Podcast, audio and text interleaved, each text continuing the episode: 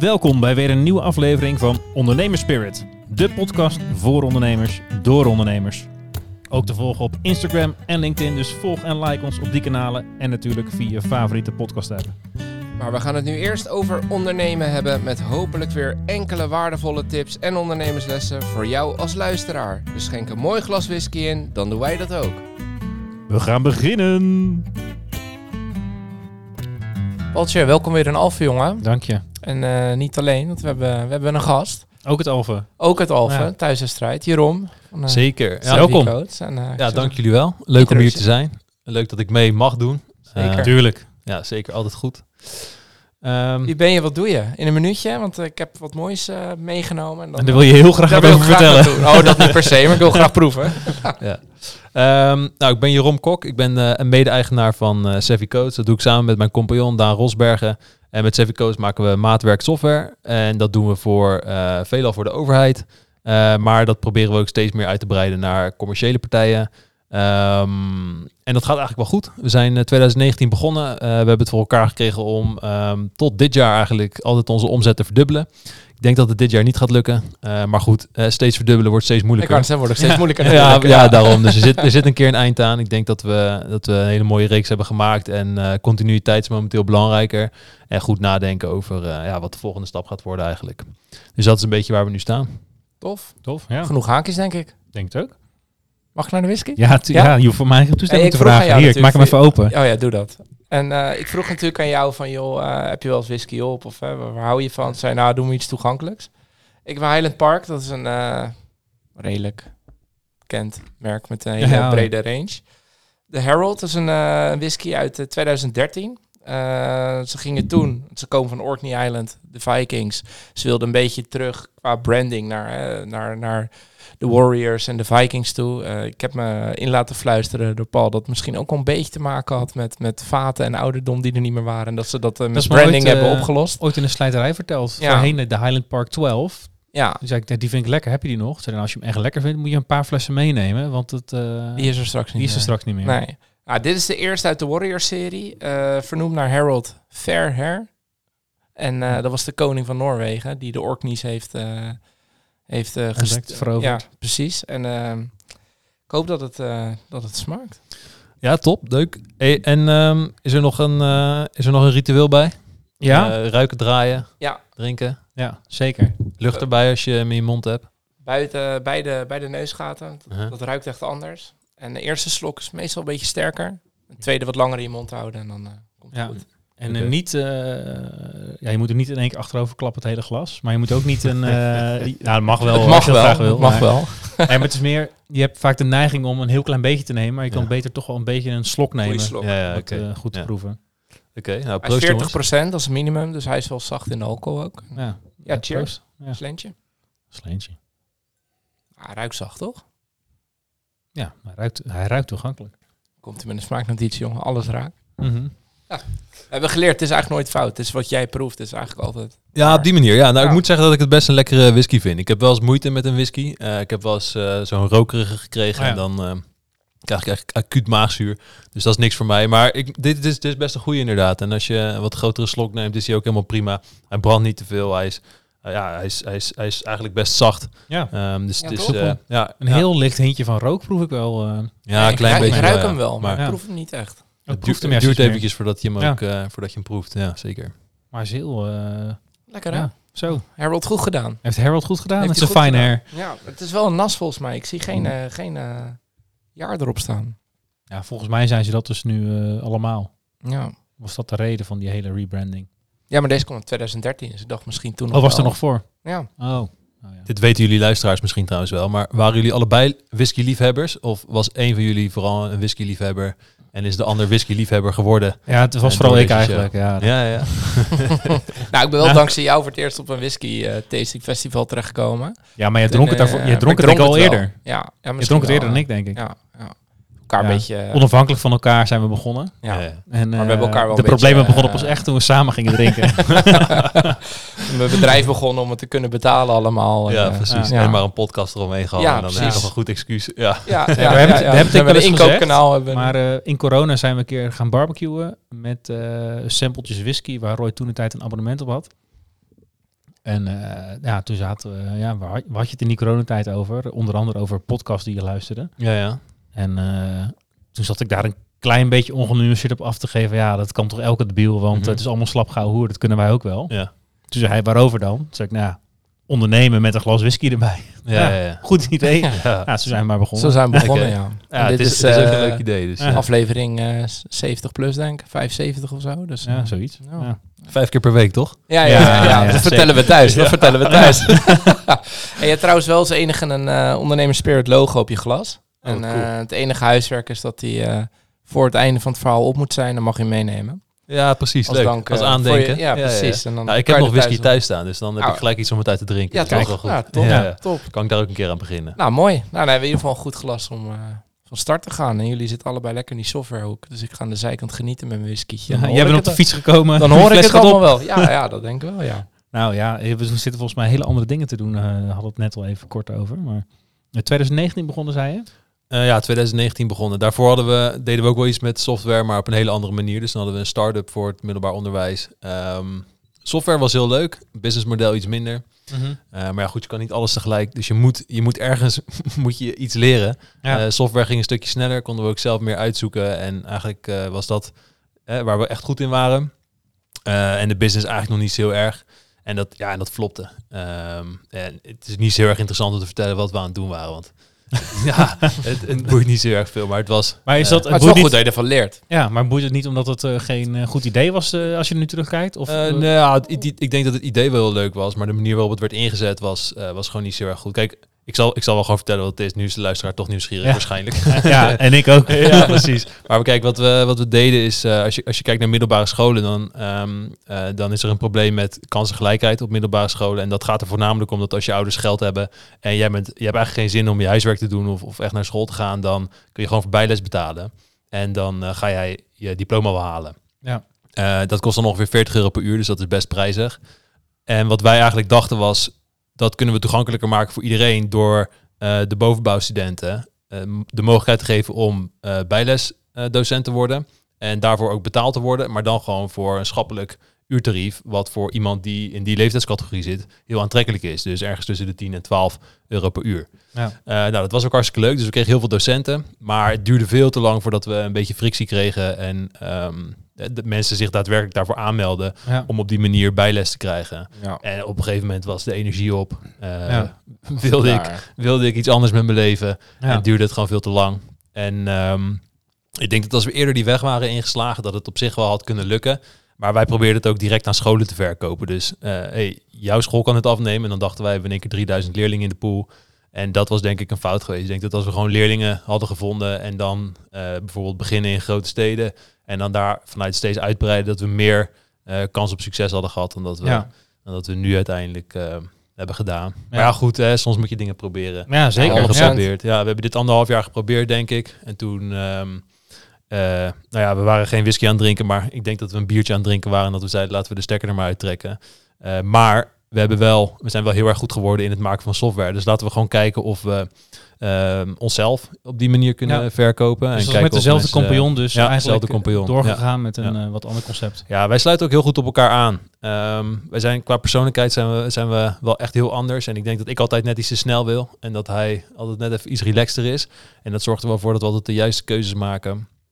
En dat, en dat denk ik dat je dat ook wel terugziet op het moment dat als je iets doet wat goed werkt en waar meer vraag naar is, dat het eigenlijk vrij automatisch gaat. Want drie keer achter elkaar je omzet verdubbelen, eh, ja, daar heb je zelf invloed op. Eh, Ja. Maar dat, dat heeft er ook wel mee te maken natuurlijk dat je met iemand werkt ehm, waarmee je gewoon hele mooie en goede dingen kan maken. En, Ja. en dat blijkt. En Ja. dat horen we ook van onze klanten. En elke keer als we weer een klant ehm, iets, iets opleveren, zijn ze daar tevreden mee. Dan zien we ze daarna weer terug. En eh, Ja. ja, de, de beste de vorm word- van de word of mouth. Ja, Ja. precies. Die gaat vanzelf rond. En Ja. Ja. op die manier groeien. Ja. Dat hoor je niet vaak, dat als er dan iets geklapt is, dat je dan toch in dezelfde setting weer verder gaat, maar dat je dan eigenlijk denkt van oké, ons businessmodel of iets was niet goed. we gaan gewoon in dezelfde teamsetting weer door. Heb je het idee dat je echt lessen daarvan nu meeneemt? Of is het een soort van eh, twee gescheiden eh, dingen? Correct. Ja, volgens mij, volgens mij is dat een quote van, ehm, van, van bij Facebook. Maar zij zeggen volgens mij, we gooien gewoon heel veel tegen de muur en we kijken wat er blijft plakken. En ik denk dat, zeker als je software wil maken, dat, het, dat de investering vooraf is vrij klein. Hè? Soms heb je, als je, Ja. als je een monopolie wil starten, dan moet je een heleboel eh, eh, durfkapitaal hebben. Dat is niet wat wij doen. Eh, Nee. Dus als wij iets kleins willen neerzetten, hè, waarmee we ergens tussen de 50.000 euro en de 500.000 euro in een jaar aan omzet willen draaien, bij wijze van spreken, als, als een soort van eh, software as a service, ja, dan kun je dat best proberen. Daar Ja. heb je misschien drie maanden voor nodig om dat, eh, om dat op te zetten. Vooral Eh, tijd die je erin moet investeren. Ja, het is vooral tijd, maar Ja. je koopt een laptopje van, eh, nou, je moet wel een beetje een dure laptop kopen. Hè. Dus stel je voor, je koopt een, een MacBook van 3000 euro allebei, en dan heb je een investering van 6000. Vervolgens ga je zitten en dan ben je een jaar ben je aan het tikken en dan maak je iets moois. En daarna kun je de markt op. Dus ehm, ja, het is voornamelijk tijd. En op een gegeven moment word je wat ouder en dan wil je wat anders. En nu zitten we in een situatie waarin we eh, met, met stages bijvoorbeeld ehm, dingen kunnen uitproberen. Dus Ja. dan hebben we een stagiair en dan hebben wij een vet idee. En hebben we zelf geen tijd om het te maken. Maar dan, dan is de stagiair een soort van katalysator van ons idee. Om te kijken of dat, hè, of dat een beetje werkt, of dat technisch haalbaar is. En zo hebben we, zo hebben we nu één product eh, staan. Eh, mijn idee, ge- gevalideerd door een stagiair. Het was niet echt goed genoeg om eh, direct te kunnen gebruiken, maar eh, wel de technische haalbaarheid daarvan direct achterhaald. Ja. Ehm, ja, en dat is echt top. Dat is heel fijn. Voor de stagiairs ligt er een super mooie stageopdracht met, eh met, heb met je veel ook echt, eh, Echt een eigen project. Ja, Ja. zeker. Oh, Ja, ja. En dat willen we ook heel graag, want dan heb je eigenaarschap. Ja. En dat eigenaarschap zorgt ervoor dat je, als, als het goed is, verantwoordelijkheidsgevoel hebt over wat je doet. En dan zien we ook veel sneller de meerwaarde van eh, stagiairs voor potentiële werknemers later in het stadium. Dus Ja. op die manier, het is toch een concurrerende markt. Probeer maar eens een software developer, een senior ergens weg te halen. Ja. ja, succes. Ja, is, investering eh, is groter dan 6000 euro. eh. ja, zeker. Ja. En maand op maand, hè? Ja, precies. ja, precies. ja, ja. Ja. Maar waarom, waarom zijn jullie ooit gaan ondernemen? Je zou ook kunnen zeggen, hè, er zijn best wat softwarepartijen. Ik ga gewoon ergens werken en ik ga gewoon eh, tien jaar kijken wat ik leuk vind. En daarna ga ik eens een keer wat doen. Ja, voornamelijk omdat ik altijd denk dat ik het zelf ook wel kan. Eh, nou ja, hè, dan ben je twee jaar bezig en dan faalt je eerste project. Dus dan vraag je je af, is dat dan ook wel zo? Eh, maar goed, dan ben je ook nog eens stront eigenwijs. Dus dan Ja, blijf je gewoon door. blijf je gewoon lekker doorgaan. Is- ondernemerseigenschappen, ja. ja. En ik, ik denk dat ehm, eh, als, ik, als ik voor mezelf heel eerlijk ben naar wat, wat, zou ik, wat vind ik nou leuk om te doen en waarom doe ik het ondernemen, dan kom ik eigenlijk altijd terug bij, ik vind het gewoon heel vet om dingen te maken. En dat, dat zie je natuurlijk al terug in het maken van software, want dan kun je eigenlijk met heel weinig kun je, kun je iets gaan doen. En het mooie van software vind ik dat op het moment dat je het, dat je het aan het publiek beschikbaar stelt, dan is het niet meer van jou. Dan is het, dan is het van iemand anders. Dus dan wordt het geleefd. En ik denk dat een onderneming ongeveer hetzelfde is. Ik denk dat je die twee best wel met elkaar kan vergelijken. Dus ik denk daarom ook dat de stap van het maken van software naar het maken van een bedrijf, naar het maken van eh, bedrijven, zeg maar, hè, dat, dat eh, van de stap van software maken naar dus een ondernemer zijn, dat het best een logische stap is, omdat ik denk dat zowel software als een organisatie eigenlijk een soort van collectief organisme is. Dus je zet wat mensen bij elkaar en in het begin ben jij voornamelijk de eigenaar. En dan, eh, dan gelden jouw normen en waarden en hoe jij de wereld ziet. En hoe meer mensen daarbij komen, hoe meer dat verandert en hoe meer dat een eigen leven gaat leiden. En op een gegeven moment heb je daar geen controle meer over. Een bedrijfscultuur krijgen dan. Ja, precies. Je kan het alleen nog maar sturen. En het heet ook niks voor niks een bedrijfscultuur. Dat betekent dus dat een collectieve groep mensen eh, samen bepaalt hoe het zich gedraagt. En, en Ja. natuurlijk zijn Ja. daar allemaal ook weer van buitenaf externe factoren in. Maar Ik denk, zonder Ja. dat ik jou ken, dat je dan toch je eigen kwaliteiten onderschat. Want er zijn volgens mij heel veel meer developers die eh, niet een eigen bedrijf eh, starten. Dus jij doet het nu, of eh, misschien interpreteer ik het verkeerd. Je Ja. doet het haast voorkomen van, nou, als je software kan maken, dan ben je al bijna een ondernemer, want het eh, lijkt zo op elkaar, dat is bijna hetzelfde. nee, dat zeker niet. superveel softwareontwikkelaars eh, juist lekker in loondienst, want dan... Die vindt het gewoon vet om iets te bouwen, maar die ja, wil precies, maar heb je die verantwoordelijkheid niet Nee. in het gezeik van mensen zoeken, aannemen, weet ik veel allemaal. Dat is, daar zitten best wel nog meer kwaliteiten bij, denk ik, dan... eh, Ja, nee, dat, dat ben ik zeker met je eens. Maar het is meer hoe ik zeg maar de stap zie. Dus vanuit het maken van iets is het, ga je gewoon naar het maken van iets anders. ja, en dat die daar manier. andere kwaliteiten bij zitten. Ja, nee, dat, Ja. dat ben ik helemaal met je eens. En ik denk ook dat voor ondernemen is het heel erg belangrijk dat je het ook leuk vindt om eh, met mensen te praten en dat je van mensen leert. En, eh, en wat ik altijd heel fijn vind om te doen, is ook gewoon vertellen waar ik over nadenk. Dus eh, als ik een vet idee heb, dan ga, ik dat, dan ga ik dat juist niet voor mezelf houden. Dan ga ik dat aan zoveel mogelijk mensen vertellen. Want dan zie ik vanzelf al of zij ook denken van, oh, Hier zit dat is in. inderdaad een goed idee. En als Ja. ik snel zie fronsen en ik denk van, ja, is Ja. helemaal niks. Ja. Ja. en ik zie dat drie keer achter elkaar en dan denk ik, dat is helemaal niks. Daar kun je wel mee stoppen. Dat ga ik je niet meer vertellen. Nee, precies. En wat, eh, wat je zei net al kort, het project, jullie werken in projecten en veel met overheden, gemeentes. Ja, eigenlijk van alles door elkaar. Wat, voor, wat Ehm, voor soort dingen maken jullie of is dat ook super divers? Ja, het is, het is wel echt heel erg divers. Eh, wij doen bijvoorbeeld ook gewoon websites. Ehm, ja. website is ook software.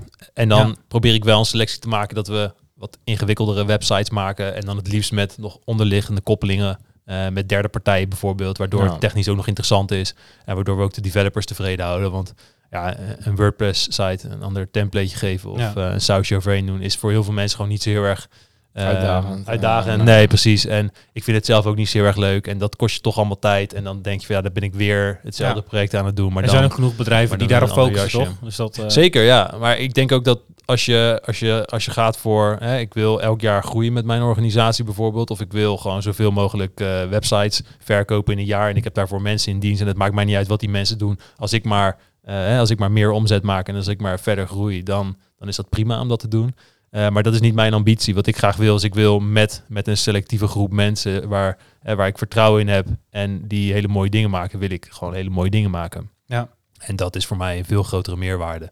En eh tuurlijk moet je daarbij geld hebben om dat te kunnen financieren. Hè? Anders dan loop je helemaal stuk. Dus geld, geld speelt een hele belangrijke rol. Ook om, om de goede mensen aan te trekken en om mensen Ja. vast te houden. Ehm, dus ja, op, op die manier moet je het een beetje bij elkaar. Maar dat is veel meer mijn motivator. En dan moet je ook selectief zijn in de opdrachten eh, Ja. die je accepteert. En, eh, en waar je ook eh, achteraan jaagt. Want op onze website zul je ook niet zien staan... website nodig, eh 3000 euro of zo. Dat Nee. noemen we- wij noemen ook expres geen prijzen, want het gaat heel erg om van wat is jouw Maatwerk. doel en hoe kunnen wij jouw doel zo goed mogelijk bereiken. Ja. En bij de overheid is daar soms ruimte voor en bij sommige commerciële bedrijven ook wel. Dus ehm, ja, op zich, op zich loopt dat wel. Dat Ja. gaat wel. eh, Dus in dat die zin is, is, is geld niet per se een drijfveer aan zich. Het is meer de smeerolie om, om door te kunnen groeien.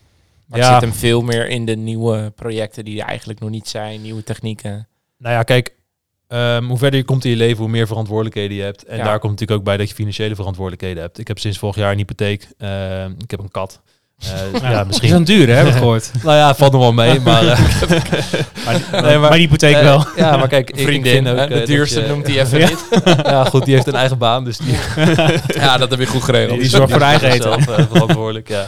Nee, maar eh, die verantwoordelijkheden groeien en ik vind dat ook, en ik vind dat ook wel leuk. Dus uiteindelijk, uiteindelijk is geld, tuurlijk, geld is altijd belangrijk en het is ook echt wel relaxed om, eh, om voldoende geld te verdienen, om, eh, om, daar, om je daar geen zorgen over te hoeven maken. Ja. Ehm, maar als wij, eh, als wij kijken naar wat, wat zouden we graag willen en als we sommige klanten hebben en dan denk van ja, zijn we hier nou wel blij mee of zijn we hier nou niet blij mee, dan heb ik er op zich geen moeite mee eh, op het moment dat die klant, dat wij daar niet gelukkig van worden. Om dan te zeggen van nou weet je wat, dan bellen we toch die klant en dan zeggen wij, ehm, dit, is, dit is eigenlijk gewoon niet wat we hadden verwacht en eh, ehm, ik ken nog wel een ander bedrijf en die eh, wil je waarschijnlijk wel helpen. En Ja. dan vind ik dat geen enkel probleem. Ja. Onderaan de streep uiteraard moet er voldoende geld over blijven. Je blijft wel een ondernemer en het moet wel Ja. ergens op slaan natuurlijk. Ja. Eh, Maar maar het, het kan nu wel makkelijker, denk ik. In Zeker. 2020 had je die keuze misschien niet gemaakt. nee, en het is ook. Ik ben ook onderdeel van dit bedrijf. Ik moet hier elke dag naartoe. Eh, dat doe ik ook graag. Maar dat betekent wel dat, dat het werk leuk moet zijn. Ik kan me ook voorstellen dat ik eh, later in mijn leven een keertje een ander bedrijf start. Waarbij het me niet zo erg veel uitmaakt. Ehm, want dan, dan doe ik zeg maar niet mee op die manier. Dan zit, je, dan zit je meer hoger in de boom als een investeerder of iets dergelijks. En wat, is, ja, wat maakt het dan uit wat voor werk er wordt gedaan? Dan gaat, Ja. het, om, dan gaat het om geld verdienen. En dat kan ook heel leuk Of zijn. de cultuur bouwen, of, eh, maar in ieder geval niet meer de inhoud. eh. Nee, precies. Ja. En nu zit ik nog wel heel erg in die inhoud. Vind ik ook nog heel leuk om te doen. Ehm, dus dan is het ook heel erg belangrijk dat de dingen die je doet, dat, dat je die zelf ook leuk vindt en dat je daar 100% achter staat. Ik denk ook dat de kwaliteit van je werk omhoog gaat als je dingen doet die je leuk vindt. Volgens mij Ja, zat jij dat 100%. laatst ook te vertellen, toch? Dat je Ja, zeker. eh, dat dat nu beter is geworden bij jullie, omdat je een aantal klanten hebt gezegd van hé, dat past niet meer bij ons. Ja, nee, ja, 100%. Dat, Ja. Daar word je uiteindelijk allemaal beter van, denk ik. Ja. Alleen eh, het vertrekpunt is vaak, je wil groeien, groeien, groeien, groeien. En dan neem je eigenlijk alles en iedereen aan qua klant. Ook, hè, want in het begin is die propositie vaak ook, ja, bijvoorbeeld voor ons, ja, ieder ondernemer in Nederland die een boekhouder eh, zoekt, kan klant worden bij ons. Nou, dat, dat is nu niet meer, want je gaat nu veel selectiever kijken van, oké, maar wat past bij ons? Daar word je uiteindelijk veel gelukkiger van. Dat is eigenlijk het traject waar je nu ook in zit, Ja. wat je net noemt. Ja. Ja, ik denk dat het voor 100%. bijna iedereen geldt hoor. Ja, Ja. ja. maar zeker in die groeifase, ben je heel erg geneigd. Want er zijn denk ik maar weinig ondernemers die echt in het begin al zeggen... nee, sorry, jij past niet bij ons. Dat deden wij ook niet hoor. Nee, toch? Nee, nee, nee. Nou, ik denk, ja, ik denk Nee, alleen nee. degene die vanaf het begin al met een schaalbaar product beginnen. ja, Maar zelfs die hebben heel vaak volgens mij een beetje projects on the side om een beetje cashflow te genereren. ja. maar Ja, ja, tuurlijk. tenzij je vroeg een investeerder hebt, dan is dat misschien niet nodig. Jullie zitten ook wel volop op dat maatwerk software. Terwijl je in heel softwareland toch wel veel ziet. Van ja, we moeten eigenlijk naar, naar een schaalbare SaaS-oplossing. Want dan, dan kan je geld verdienen. Voor de organisatie zoals mijzelf of voor, voor de mensen waarvoor wij het maken, zeg maar, voor onze klanten? Nee, nee, nee, voor jou, voor jou als onderneming. Ja, klopt. Nee, eh, dat is ook, we houden ook altijd onze oren en ogen open. Dus op het moment dat we denken van wow, dit is echt, eh, dit, is, dit is heel mooi en dit kunnen we nog honderd keer doen. Ja. Eh, dan stellen wij ook echt wel voor aan onze klanten om in te stappen. En dan geven we ze bijvoorbeeld 50% korting op een offerte om daarna gedeeld eigenaarschap te hebben. Vaak Ah. kent ook de klant de markt. ja. Nou is het nog niet zo heel vaak gebeurd, maar waar, waarbij het laatst wel is gebeurd is wij, ik, heb, ik heb ongeveer, dat is nu twee jaar geleden denk ik, ja. Twee jaar geleden heb ik een eh, presentatie gegeven voor een mobiliteitsteam van Zuid-Holland. Ehm, en daar heb ik een presentatie gegeven over bereikbaarheidsplatformen. Daar heb je er meerdere van in Nederland.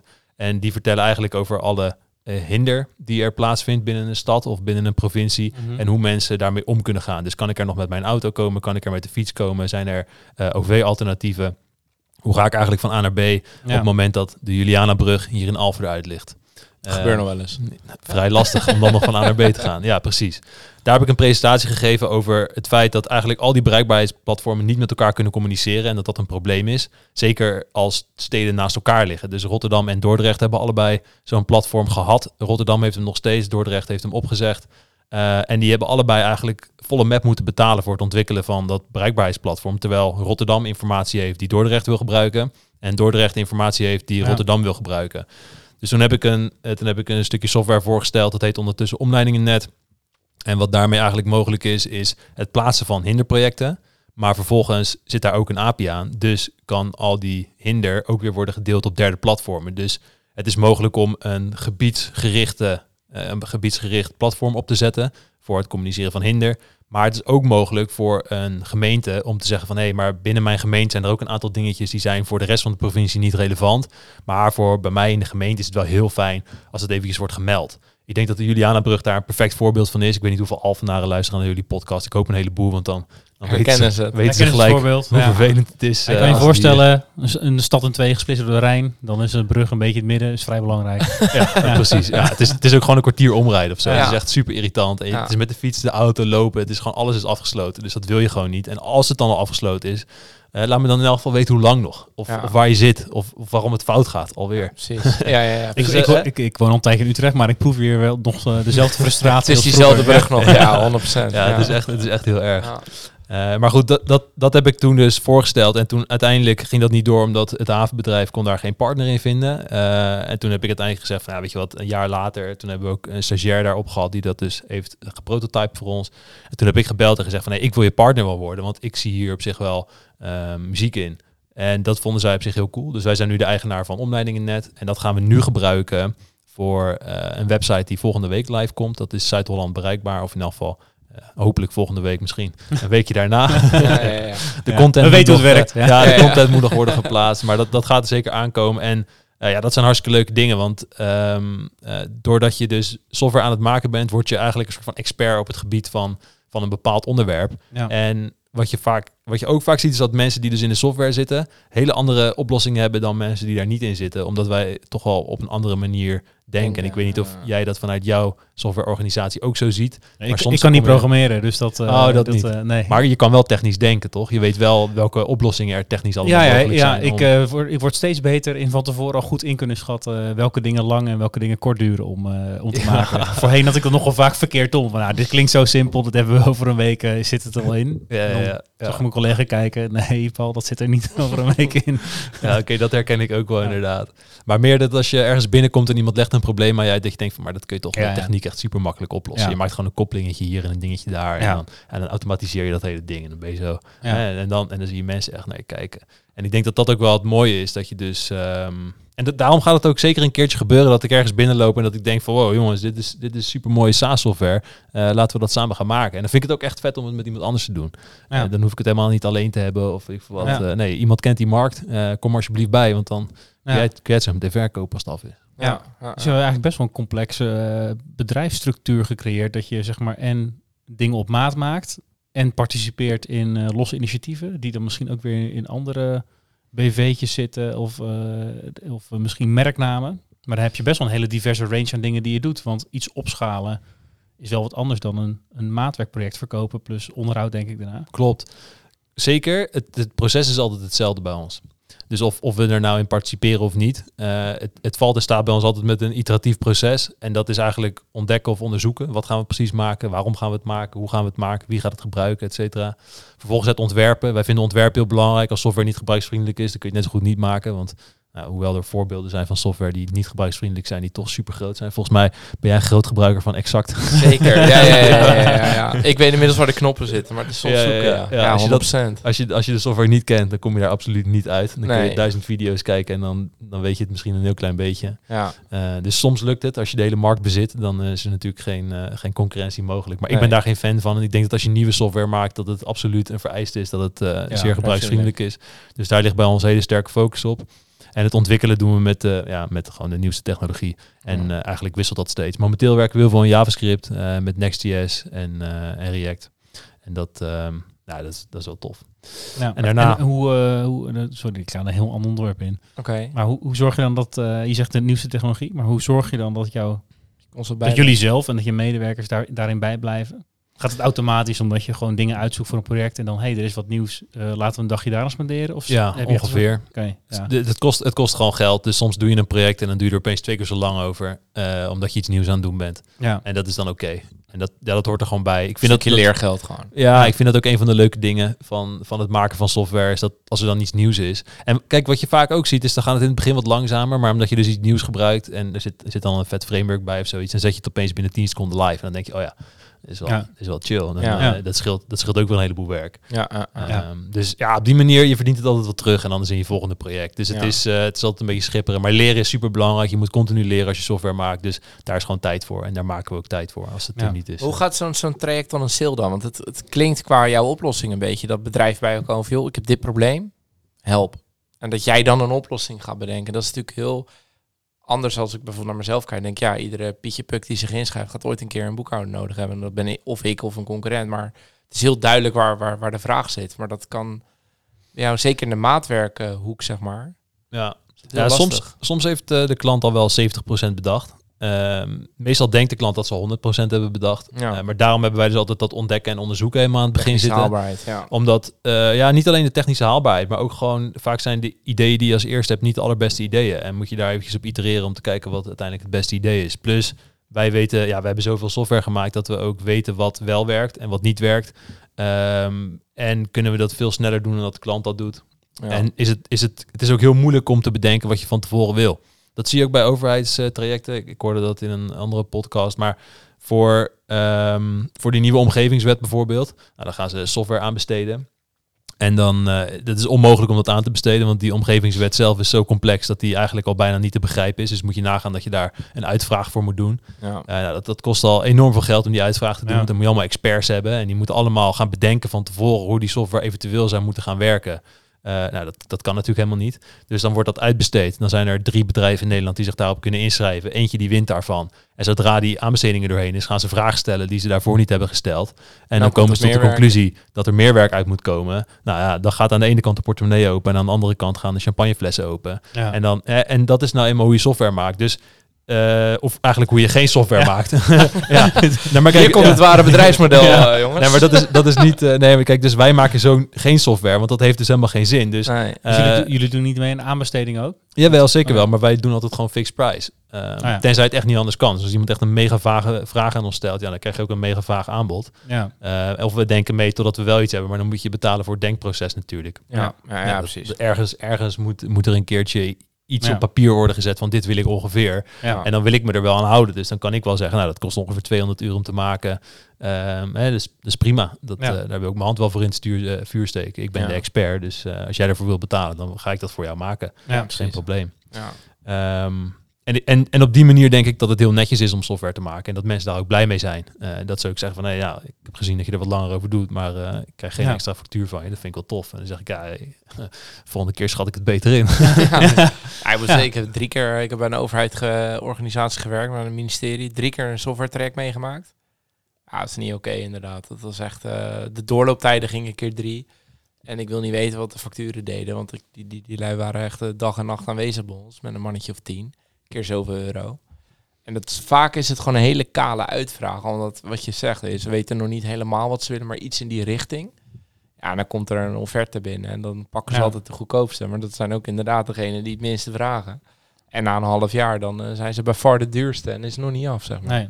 Ja. Dat is Maar wel dat- heel ja. herkenbaar wat je zegt. eh. Ja, ik vind het een beetje een nare manier van zaken doen. Dus ik hou daar zelf niet zo heel erg van. Kijk, soms kun je er niet echt omheen, zeg maar. Hè. Dan, dan komen, komen er gewoon nieuwe vragen bij die je niet had Mhm. voorzien. Maar ja, goed, dan kun Er je is gewoon... ook meer begrip voor, denk ik. Ja, tuurlijk. Dan ga je gewoon... eh, eh, maar als, ja, het gaat soms om zoveel geld. Dan denk je echt, jongens, alsjeblieft zeg. Ja. Ja.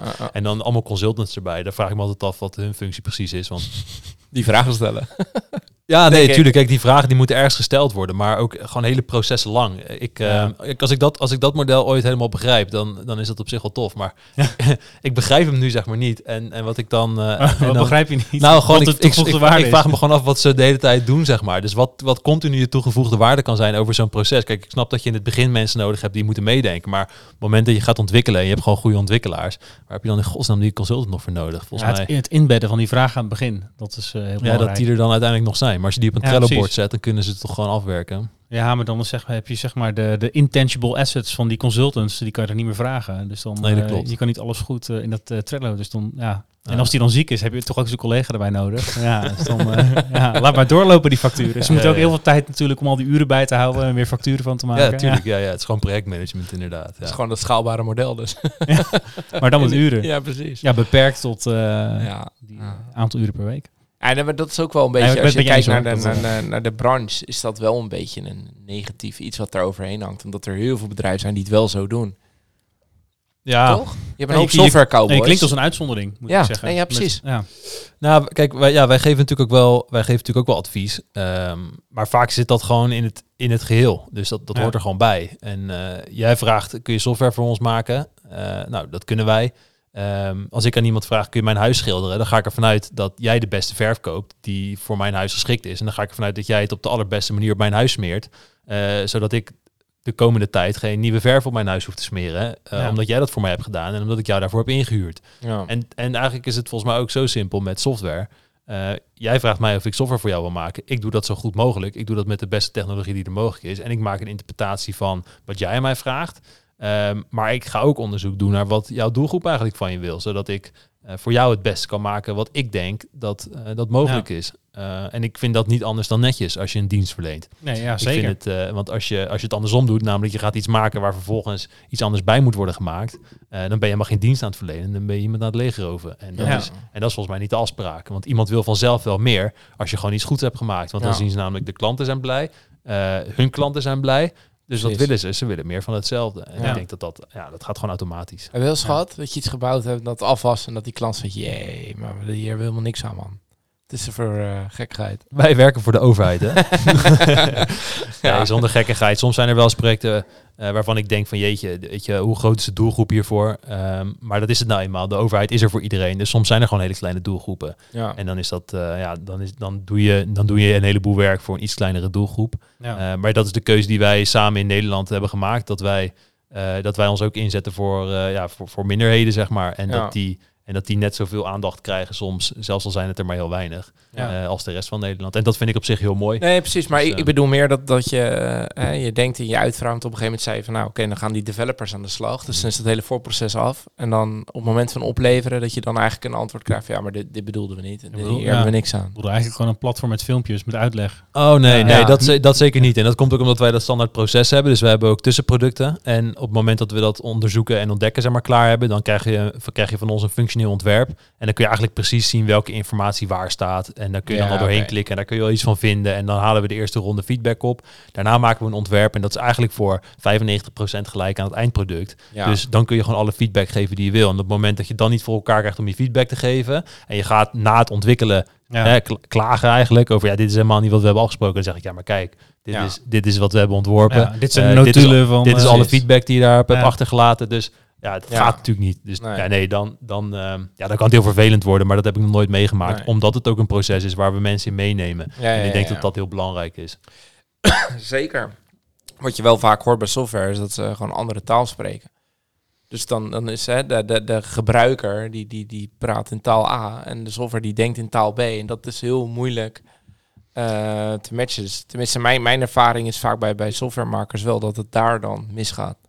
Ja, daarom visualiseren wij dus ook. Ja, dus het is eh, Ja, tussen product 1 is visueel, tussen product 2 is visueel. ja En precies. dan, en dan zien ze al van, oh, hier, kan ik, hier, kan, hier kunnen wij onze tekst zetten. Of, Ja. of daar komen hè, de, de downloads of weet ik Ja. wat, Ja, ja, wat ja, voor ja. software Maar dat maakt een maakt. wereld van verschil inderdaad. Want eh, de meesten kunnen helemaal niet zo conceptueel meedenken. En als we het wel kunnen, heb je al het gevaar dat iedereen zijn concept in zijn hoofd anders is. Ja. Klopt, ja. dus Ja, dat ja, met precies. plaatjes en video's laten zien. Dat, Ja. ja. ja. Ja, en met, met prototypes is het helemaal tof, want dan geef je ze een linkje en dan kunnen ze er zelf doorheen klikken. En dan krijgen we soms wel eens de reactie van, eh, oh, kan ik dit formulier wel versturen? Of gaat hij dan ergens naartoe? En dan zeg ik, nee, natuurlijk niet.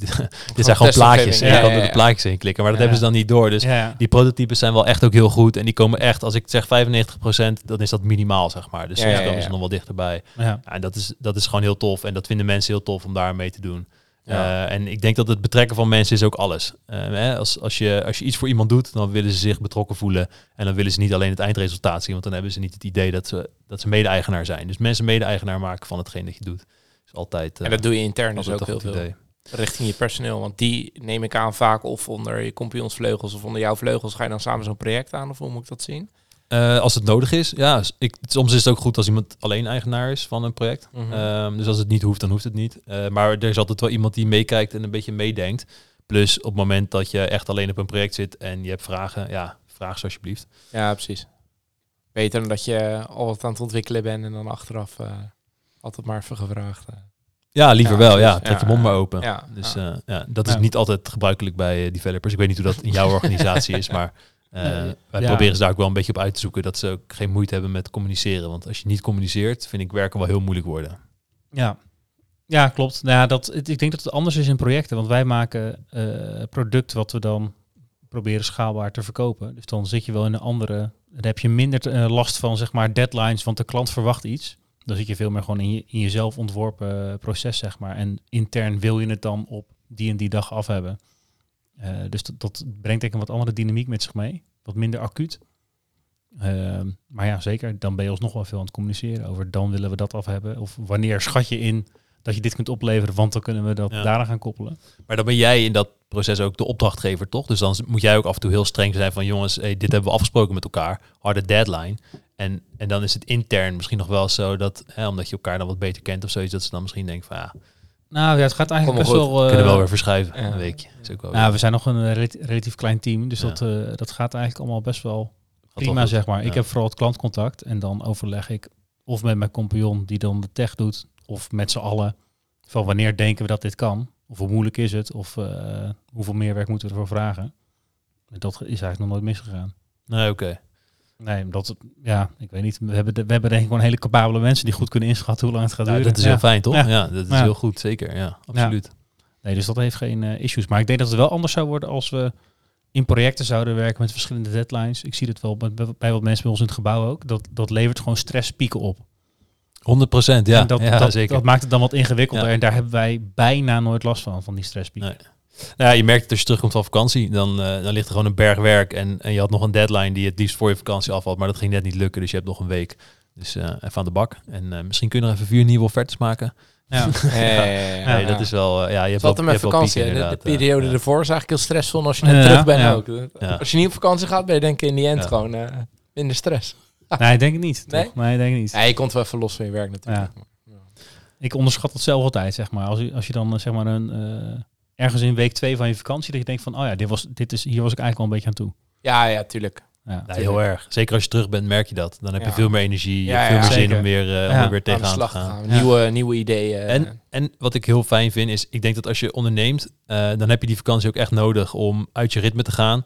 En je hersenen eh, de vrijheid te geven om met nieuwe dingen te komen. Ja, ja, oplossingen precies. voor langlopende problemen. Ja. eh, wat dan ook. Of gewoon dat je tot de creatief conclusie proces, komt van jongens, moeten gewoon eh, nog drie mensen aannemen. Dan gaat het wel lukken. ja, Ja, helemaal geen stress meer. Nee, dat nee. soort, maar dat soort, eh, dat soort openbaringen, die krijg je vaak op het moment dat je, dat je rust Even neemt en afstand. eruit bent. Eh, dan wanneer je er volle bak in zit. Want dan is vaak je, je eerste reactie is gewoon, oh druk, harder werken. Ja, Ja. Ja, Ja. Nog drukker, nog harder nog werken. harder werken. Ja, en het probleem is dat je alleen maar minder gaat nadenken. En, en daar, daar moet je dus ook wel de tijd voor nemen. En je moet jezelf dus ook wel eh, een soort forceren om daar tijd voor te maken. Dus Ja.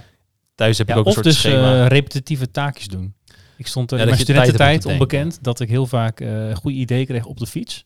ja. En toen kreeg ik laatst eh, van een van die mensen waar ik toen mee, eh, veel mee samenwerkte een eh, stukje uit een boek door. Met de uitleg waarom je vaak goede ideeën krijgt op de fiets of onder de douche. Mhm. Het heeft er dus mee te maken dat je iets doet waar je bijna niet meer bij hoeft na te denken. Nee, je Dus helemaal, op de, vrij, helemaal op de automatische piloot. En dan, dan gaat je andere hersenhelft dus vrijer associëren. Dus als je nou ook een paar hele repetitieve, simpele taken hebt, ja, dan, dan, Dan- werkt dat. ja. Ja. dan kom je dus ook tot dat soort inzichten. Ja, precies. Nou, ik, goed ik kook bijvoorbeeld altijd. Dus als ik dan thuis kom, dan is het eerste wat ik doe is eten maken. En daar ben ik dan een half uurtje tot een uurtje mee bezig. En dat zorgt er Ja. wel voor dat ik de dag even kan, kan relativeren. dat ik daarna ja. ook... eh, En na het eten schrijf je al die ideeën op.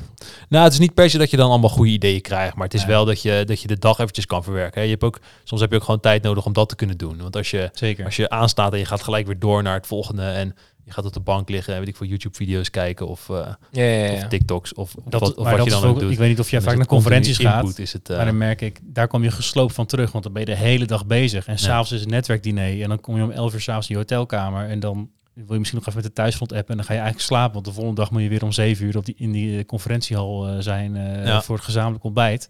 Ja, het is net als de eerste vakantiedag. Dan ben je ook altijd Ja. helemaal gesloopt aan het En einde. dat, ja, ja, en dat dan ja. drie dagen op een rij. Dan denk je, ik heb drie, da- drie dagen op een rij heb ik eh 16 uur per dag echt aangestaan. Ja, ja, dat is veel te veel. Dat, is gaat veel te veel. niet. Dat En kun je ik- maar voor hele korte periodes doen. Ja. Dat is helemaal niet goed voor je inderdaad. Ja. Maar, maar doe je het wel eens? Ga je er wel eens gewoon uit? Even los van de vakanties. Dat je wel eens, hè, noem het even de ouderwetse high-sessie. Maar dat je gewoon een keer zegt tegen je team... Joh, komende drie dagen ben ik er niet.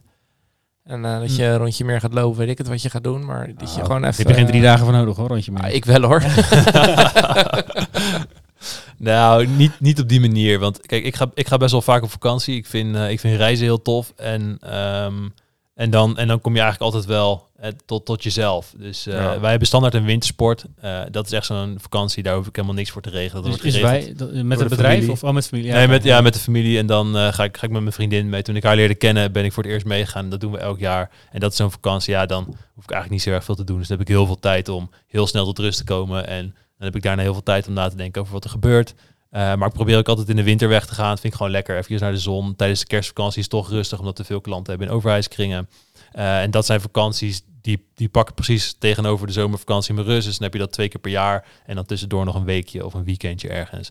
En Ja. dat is echt meer dan genoeg voor mij Ja, om, eh, om dat te kunnen doen. Dus ik heb ook, ik heb ook niet meer nodig dan dat. Ehm, en ik vind, ik vind werken op kantoor ook wel gewoon echt heel relaxed. Eh, het is natuurlijk een enorm ding met thuiswerken tegenwoordig. Ja. Eh, maar ik vind op kantoor werken echt super nice. Ik heb gewoon een goed bureau. Ja. Ik heb een goede bureaustoel. eh, we hebben mooie monitoren. We zitten bij elkaar. Als ik een vraag heb, dan kan ik die vraag stellen. Ik merk dat alles veel sneller gaat. Ik vind het hartstikke gezellig. We hebben een hartstikke leuk team.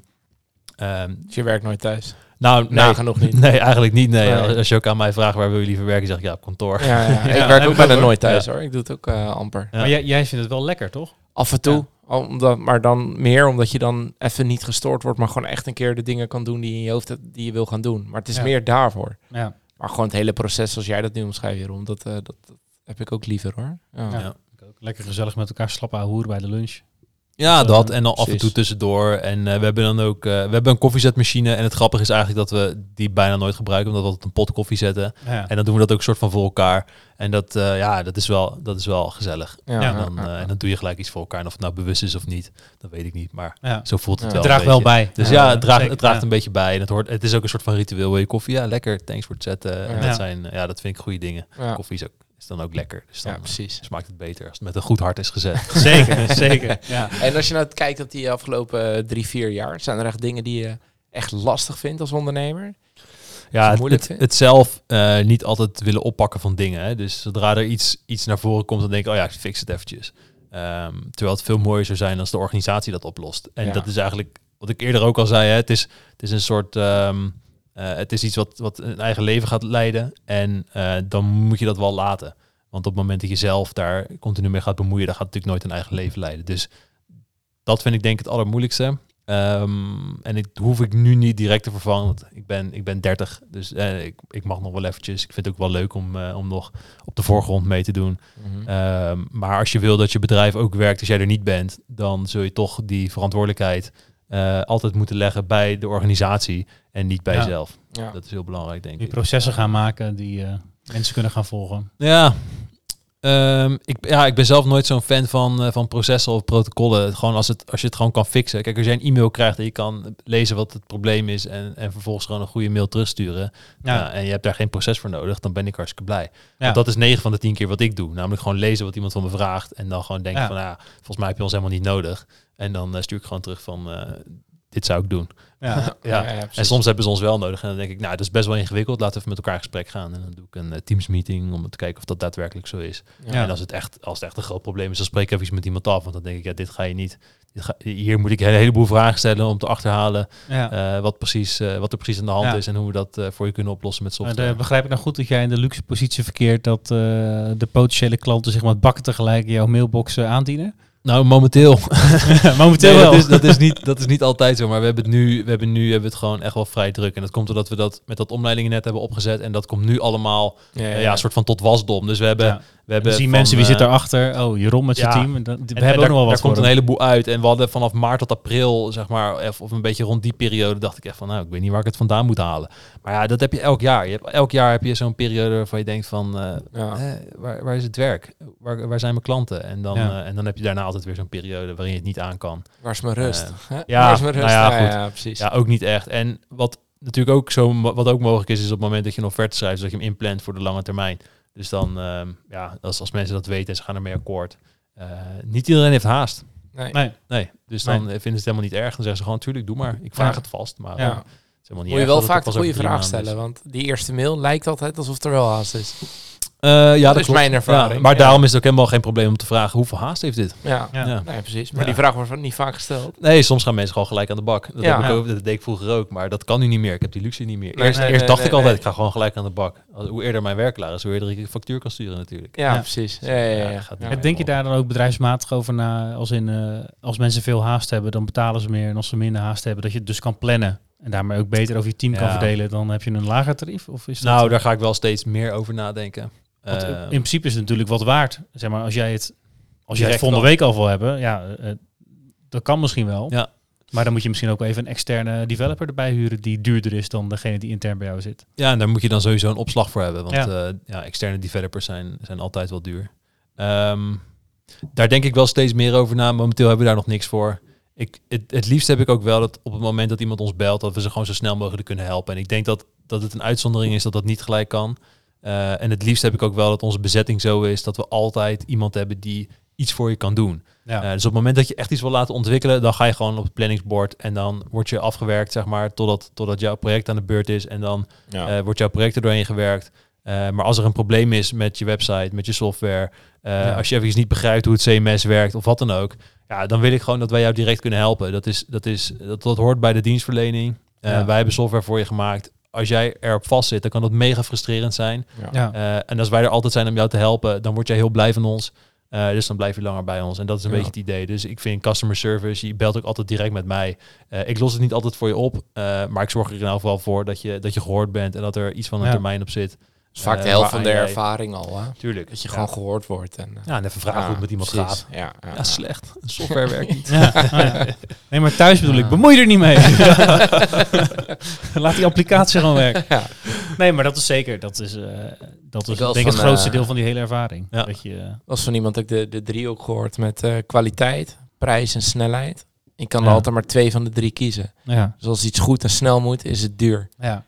Ja. Is iets eh, heel eh, goedkoop en niet snel, ja, dan... dan of tenminste heel, ehm ja, weet ik veel ik wil zeggen. Maar als, als het niet snel is en het is ook niet zo duur, ja, dan is de vraag of het goed is. Weet je wel, dat, die driehoek, dat is wel een mooie, mooie driehoek. En daar kan je heel veel dit soort items naast leggen. Ja, en de vraag is of het ook duur is voor de klant, hè? Eh, Eens, want eens. Ik u- praat- uiteindelijk als, ja, het, als het snel moet en hoge kwaliteit, dan kan dat wel. Maar dan kost het ons vaak gewoon meer, omdat wij moeten stoppen met wat we aan het doen zijn. Juist. Eh, ja. en, dat, en dat kost dan geld. Dus het is dan duur voor je organisatie. ja. Dus Ja. Dat, ja, die driehoek, eh, ik denk dat dat wel klopt, ja. Ja, ja.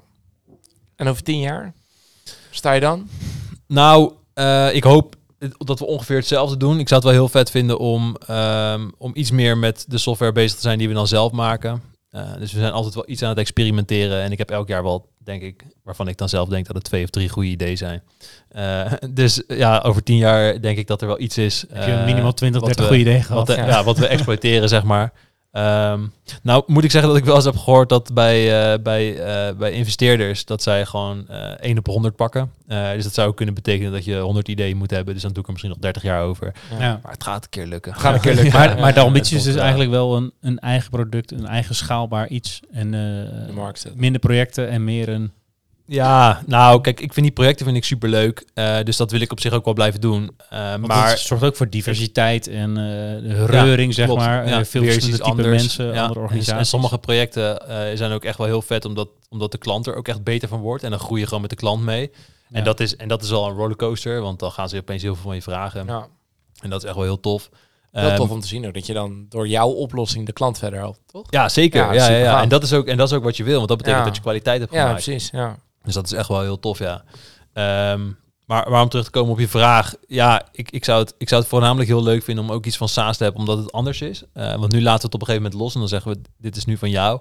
Ja. Ehm, hoe gaat het en- dan met koppeling onderhouden of zo? Dat doe je dan Ja, natuurlijk. Nee, we doen onderhoud Ja, en hosting en dat soort Ja. dingen doen we wel. Maar we zijn natuurlijk niet, we zijn natuurlijk geen marketingbureau of zo. Dus Nee, we zijn niet bezig met het, met het in de markt plaatsen van nee. softwareoplossingen of wat dan ook. Ehm, en op zich zou ik dat, dat zou ik wel een vette uitdaging vinden. Want ik denk dat als je dat goed voor elkaar krijgt, dat is veel moeilijker dan het maken van software.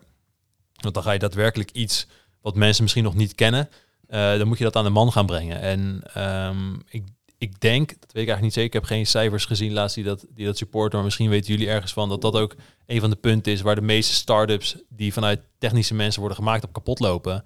Eh, omdat ze het niet aan de man weten te brengen. En, en dat zou ik gewoon vet vinden om te proberen. En ik weet niet zeker of ik, of ik de man daarvoor ben. Eh, maar als je iets in de markt wil zetten, dan heb je een netwerk nodig. Eh, nou, over tien jaar dan moet dat vrij groot zijn. Ik probeer altijd bij zoveel mogelijk borrels en zo te zijn. En met mensen te hoeren. En duurzame relaties met mensen op te bouwen. En te kijken, wat kan jij, wat kan ik, hoe kunnen we eventueel Ja. samenwerken. Dus dus dat, dat is een van de succesfactoren, denk ik, die je nodig hebt. En verder moet je vooral goed begrijpen eh, wat je hebt gemaakt en voor wie je het hebt gemaakt. Eh, en moet er een daadwerkelijk probleem zijn Ja. dat je oplost. En als al die dingen waar zijn, dan denk ik dat het wel moet lukken. Zelfs als je marketing niet, ehm, niet extreem goed is. Ehm, maar dat lijkt me gewoon leuk om te proberen. En dan te kijken waar dat ons brengt. En Ja. eh, wat dat doet. Ik weet toevallig wel, ik, geef, ik begeleid wetenschappers die een bedrijf willen starten. Mhm. bij een incubator in, in Utrecht. Een soort coachinggesprekken eens in de anderhalf, twee maanden of zo. Maar daar eh eh, heb ik wel eens opgezocht voor aan het begin van waar denk je dat het op misgaat. Want die wetenschappers zijn eigenlijk een soort van de techneuten in zo'n Mhm. SaaS-bedrijf die dan vanuit een technisch perspectief wat gaan doen. Maar het is wat je zegt, de, dat gaat vaak mis op helemaal niet weten wat het probleem is, maar het gaan maken vanuit dit is technisch vet, dus het zal wel nodig zijn. Nou, Ja. Heel vaak niet dus Nee. eh, de product market fit eigenlijk niet hebben. Dus je wel ongeveer weet wat het probleem is, ongeveer een oplossing hebben, maar dat past niet helemaal lekker bij elkaar. En vooral is het vaak team, dus het team dat het uitvoert. Oké. Dat is een, ook een hele grote bottleneck bij heel veel eh, bedrijven. Dat je eigenlijk net niet de, de kwaliteiten binnen mensen. het team hebt zitten, maar wel goed samenwerkt. Maar ja, dan net iets mist. En of dat dan eh, in de sales zit of de techniek of wat anders. Maar in ieder geval dat je dus niet de benodigde Hm. kwaliteit in zo'n team hebt. Die laatste is wel heel spannend, want daar heb je ook zelf geen invloed meer op.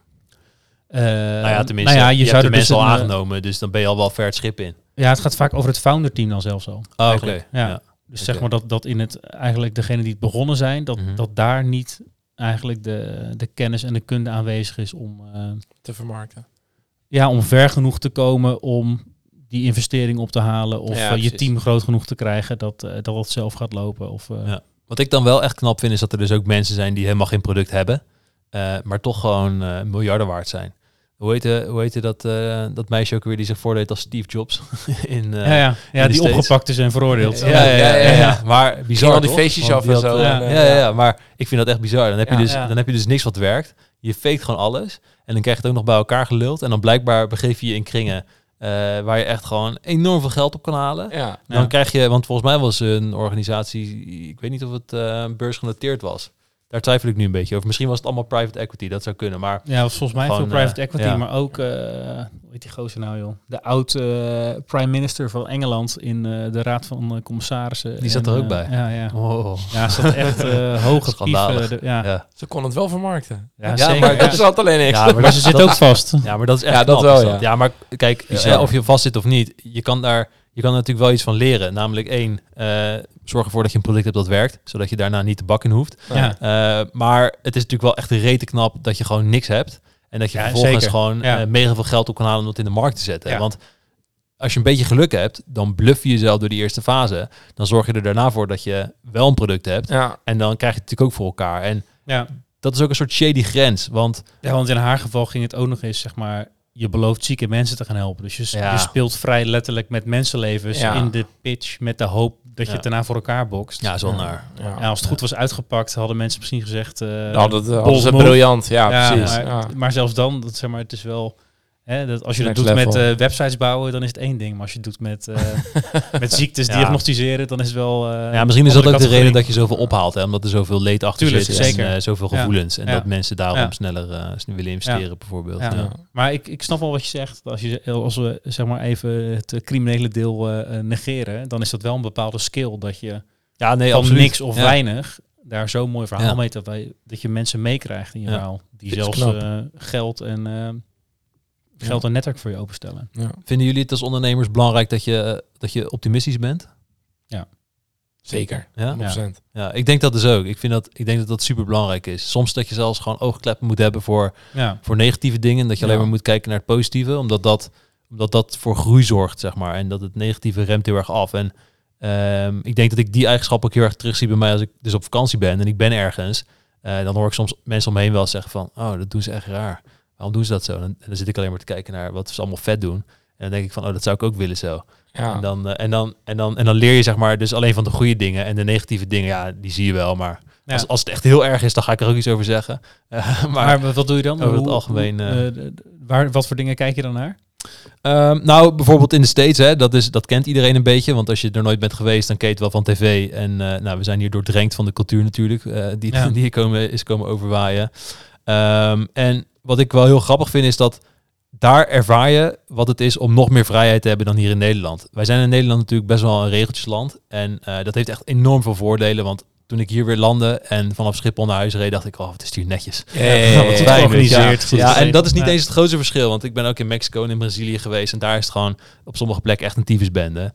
Ehm maar eh, als je dan weer terug bent, dan waardeer je dat heel erg. Maar op het moment dat je ergens anders bent waar dat niet zo is, dan kun je ook ervaren wat het is, wat die vrijheid je kan geven. Ten eerste ruimte.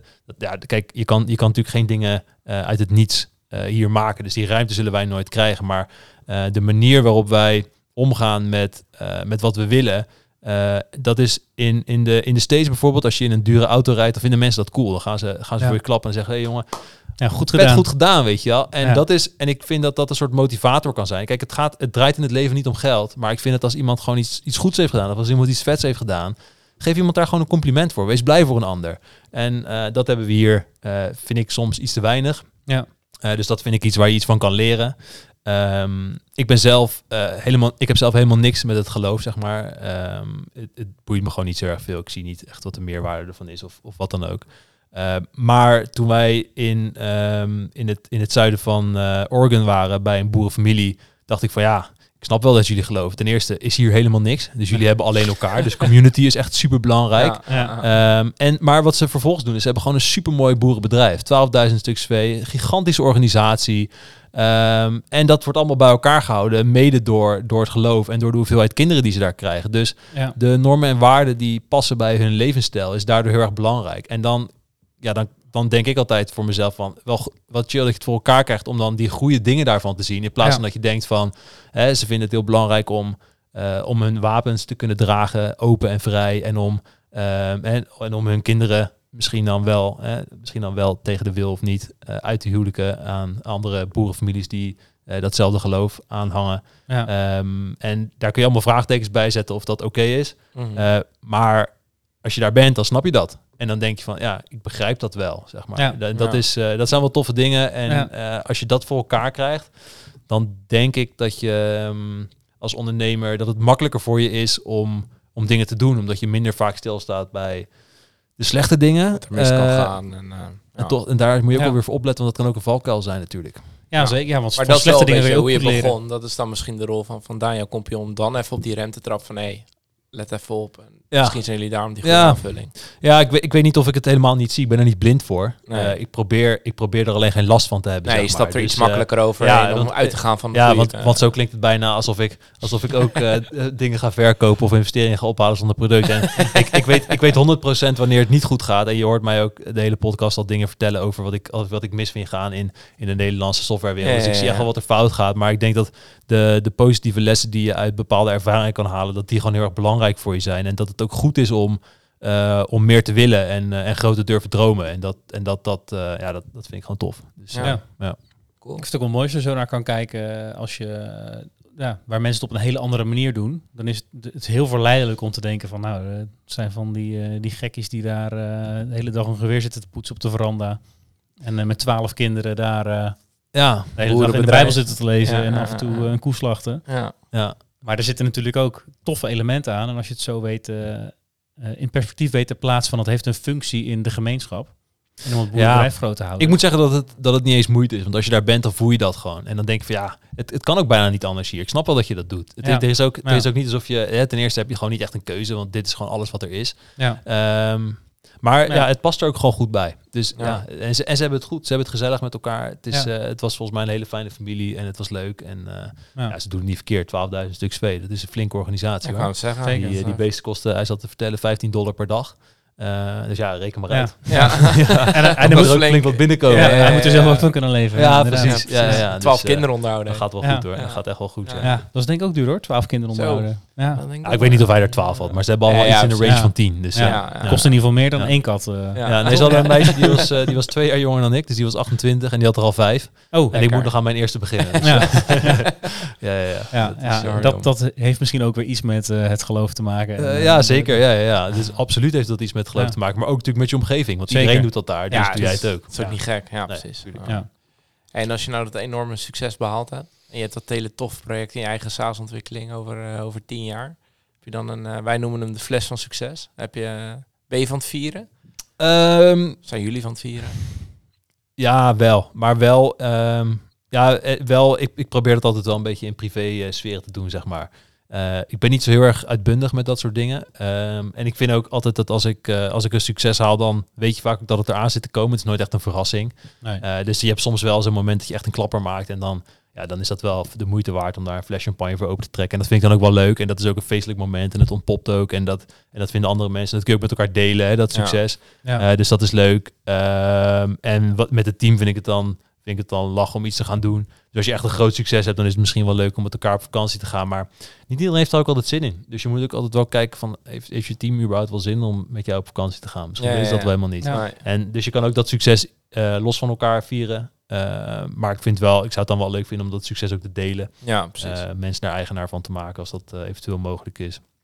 En eh, als je echt een grote klapper maakt, ja, eh, vervolgens ga je dan kijken naar wat, wat ga ik nu doen. En eh, dan denk ik dat dat ondernemen altijd wel blijft. Maar dan misschien wat andere dingetjes die ik nog niet heb gedaan. ja. Eh, een beetje pionieren. Voor jezelf dan, hè. ja, ja, Het is niet ja, dat je hele nieuwe dingen gaat doen, maar eh, Weet je, voor jezelf nieuwe dingen Nieuw is voor dan, jezelf. spannend. Ja, Ja, ja, ja, zeker. Ja. cool. Gaan wij afsluiten, denk ik. Denk het ook, ja. We zijn alweer een uur aan het lullen. Heb je nog dingen waar je op terug wil komen? Eh, nee, het was leuk. Het Ja? was, ja, Oh, ik denk mooi. het wel. Een goed gesprek. Dus eh, Je glas is leeg, dus die is ook voor jou. ja, ik vond het een goede whisky, Ja? dus ik neem hem mee. En dan eh, ga ik hem thuis vullen met iets minder goede whisky waarschijnlijk. hey, thanks voor je tijd en verhaal. Ja, en eh. Paul, jou zie ik volgende week weer, denk ik. Daar ga ik wel vanuit. Mooi man, tot dan. Tot de volgende. Dankjewel voor het luisteren naar weer een aflevering van Ondernemer Spirit, de podcast. Hopelijk vol met wijze ondernemerslessen en natuurlijk inspiratie voor schitterende whiskies.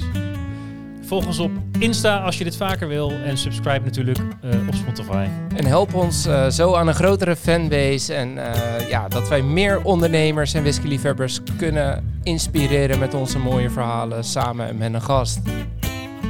Tot de volgende keer. Tot de volgende keer.